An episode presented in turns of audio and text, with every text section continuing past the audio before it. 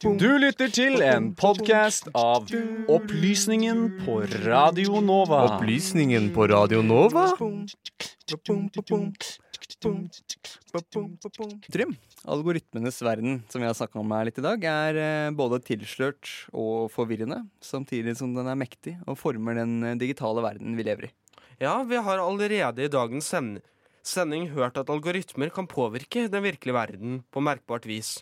Men for å forstå omfanget hørte vi med Petter Bae Brandtzæg fra Institutt for mediekommunikasjon. Algoritmer er egentlig bare oppskrifter på hvordan ting fungerer.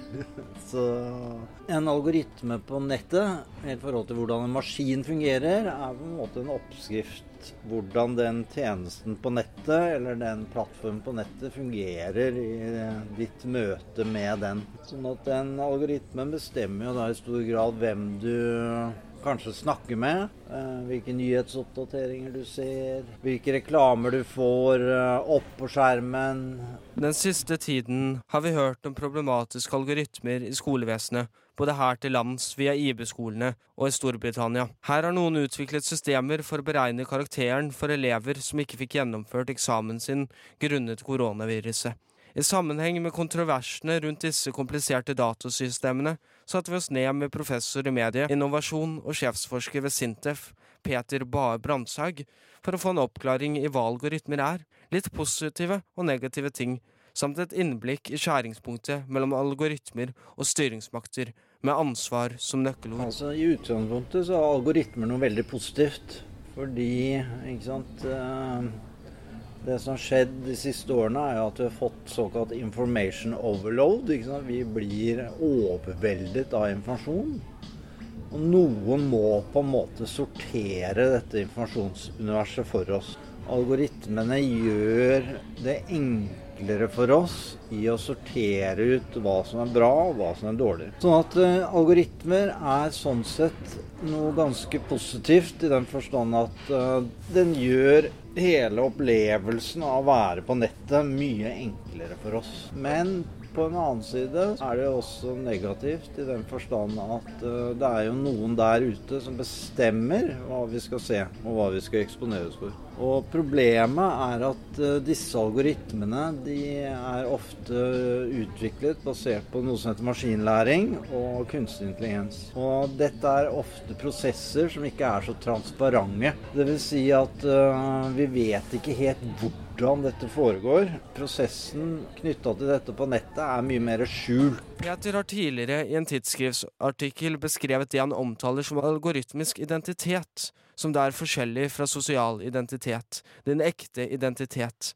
Han forteller her om et helt liv levd på internettet, og hvordan det preger livet ditt. Utfordringen med dagens unge, kan du si. da. Altså, Jeg er jo vokst opp uh, i en verden der det ikke fantes internett. sånn at det er jo ikke noe spor eller data der ute om meg før etter at jeg ble 30. Mens ungene mine vokser opp med internett og etterlater seg spor fra de er kanskje 6-7 etc. Sånn at det danner seg plutselig masse data rundt dette barnet. Og i tillegg så begynner da dette barnet utvikle en identitet selv på nettet med å poste ting om ditt og datt. Og alle disse dataene sant, de samles jo opp og kan lage såkalte algoritmiske identiteter.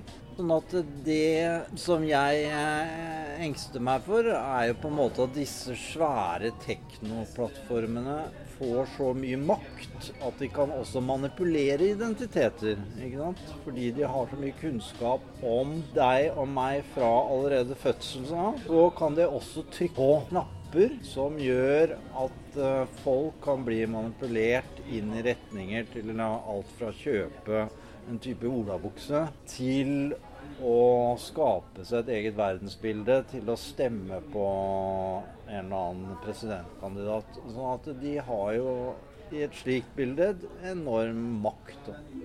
Tidligere denne uka sa utdanningsministeren i Storbritannia, Gavin Williamson, at han ikke har noen skyld i krisen som skjedde i Storbritannia, der algoritmer ga elever feil karakterer på feil grunnlag. Det var nemlig systemet som skulle ha skylda. Peter mener dette kun kommer til å bli mer og mer vanlig, jo mer vi ser algoritmer og kunstig intelligens tre inn i det offentlige for å ta beslutninger for oss. Ja da, og ikke sant? Så undergraver man jo det faktum ikke sant? at maskiner er jo tross alt laget av mennesker. Da. Så har du fått dette maskinlæringsaspektet, at maskinene kan også lære seg selv. Men allikevel så ligger det noen premisser der som mennesker faktisk har laget, da. Sånn at uh, maskinene er jo fortsatt en forlenget arm av uh, menneskelig atferd. Jeg tror utdanningsministeren i England han er jo på litt tynn is når han skylder på systemet, men sant, dette er nok noe vi vil se mer og mer fremover at man kan legge skylda på teknologien for å få ryggen fri selv. Peter mener det er den som implementerer algoritmen som må stå ansvarlig for den. Så dersom et stort teknologiselskap innfører en algoritme som er skadelig for noen, må de stå til ansvar for det. Det er jo selvfølgelig de som eh, implementerer dette her, da. ikke sant? Og jeg var jo involvert i en sånn sak på Instagram hvor nettverk av flere unge jenter i Norge hadde drevet med selvskading. Noen av de hadde tatt livet sitt også. Hvor jeg sa at algoritmer kan drepe. ikke sant? Det handler jo om at disse jentene fikk jo da servert innhold mer og mer knyttet til selvskading. De fikk servert innhold knyttet til selvmord og selvskading. De fikk de kanskje opp uh, venneforespørsler fra andre som drev med selvskading, og dermed ble det viklet også inn i nettverket. ikke sant? Mens uh, Instagram de på en måte innrømmer problemet, men også driver med ansvarsfraskrivelse. For de mener jo ikke sant, at de gjør masse for å forhindre dette her. De kan ikke ta ansvar for hva alle gjør på en plattform. Noe som jo selvfølgelig er vanskelig, fordi sant, Tenk hvor mye innhold som lastes opp på Instagram hver dag. Tenk hvor mye innhold som lastes opp på YouTube hver dag. Tenk hvor mye innhold som lastes opp på Facebook hver dag. Altså Det er liksom svimlende mengder med innhold. ikke sant? Er millioner av videoer, eh, samtaler og lignende og så lignende. Altså, ingen kan ha oversikt over dette her. Sånn at det jeg mener er jo at de har på en måte lagd uh, monstre som de ikke har kontroll over. da. Peter snakker her om at internettet er sentraliserende i sin natur, og at det alltid kommer til å være store selskap som er verter for brukerbasert innhold. Dermed mener han det har lite for seg å dele opp disse selskapene. Peter mener fremdeles at dagens plattformer er for store til å håndtere mengden innhold de må kjempe igjennom for å følge deres interne retningslinjer og holde plattformen trygg, selv med kunstig intelligens på sin side. Og Jeg tror at eh, ansvaret skal selvfølgelig ligge på disse store selskapene. At de må gjøre masse eh, for å forhindre at vi blir eksponert for uheldig uheldig, ulovlig innhold. TikTok uh, i går senest var vel at uh, en sånn selvmordsvideo florerte. ikke sant? At en mann skyter seg selv. Det er jo voldsomme inntrykk da, som blir spredd ut til mange. Facebook hadde en lignende episode i New Zealand hvor Christchurch, hvor en fyr skyter 50 stykker til døde på Facebook Live. Blir spredd til millioner av mennesker sånn. Problemet er at de greier ikke å fange opp dette. De greier ikke å ta det ned. Fortsatt florerer disse videoene på Facebook. Selv med kunstig intelligens så greier man ikke å gjøre en ordentlig adekvat modereringsprosess, fordi kunstig intelligens har mange fantastiske evner, men de greier ikke å skjønne kontekst. De har ikke common sense, sånn som du og jeg. Jeg når vi sitter her, så vet vi at vi sitter her. Kunstig intelligens eh, har ikke på en måte kontekstbasert kunnskap. Da.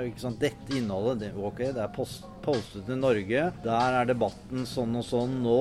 Eh, det er et demokratisk land. Det er likestilling. Det er greit å vise en pupp. Altså en, en, algoritme greier ikke å kontekstualisere ting. Og som du sikkert uh, hørte, ble det litt uh, kluss i teene hos vår reporter uh, Trym Fjellheim Karlsen. Men Petter Eh, Ba Brandtzæg var altså intervjuobjektet i denne saken. Reporter i denne saken, det var Trym Fjellheim Karlsen, assistert av eh, meg, Sebastian eh, Hagel. Du har nå hørt en podkast fra Opplysningen 99,3. Finn denne og tidligere episoder på Spotify, iTunes eller der du måtte finne dine podcaster ellers.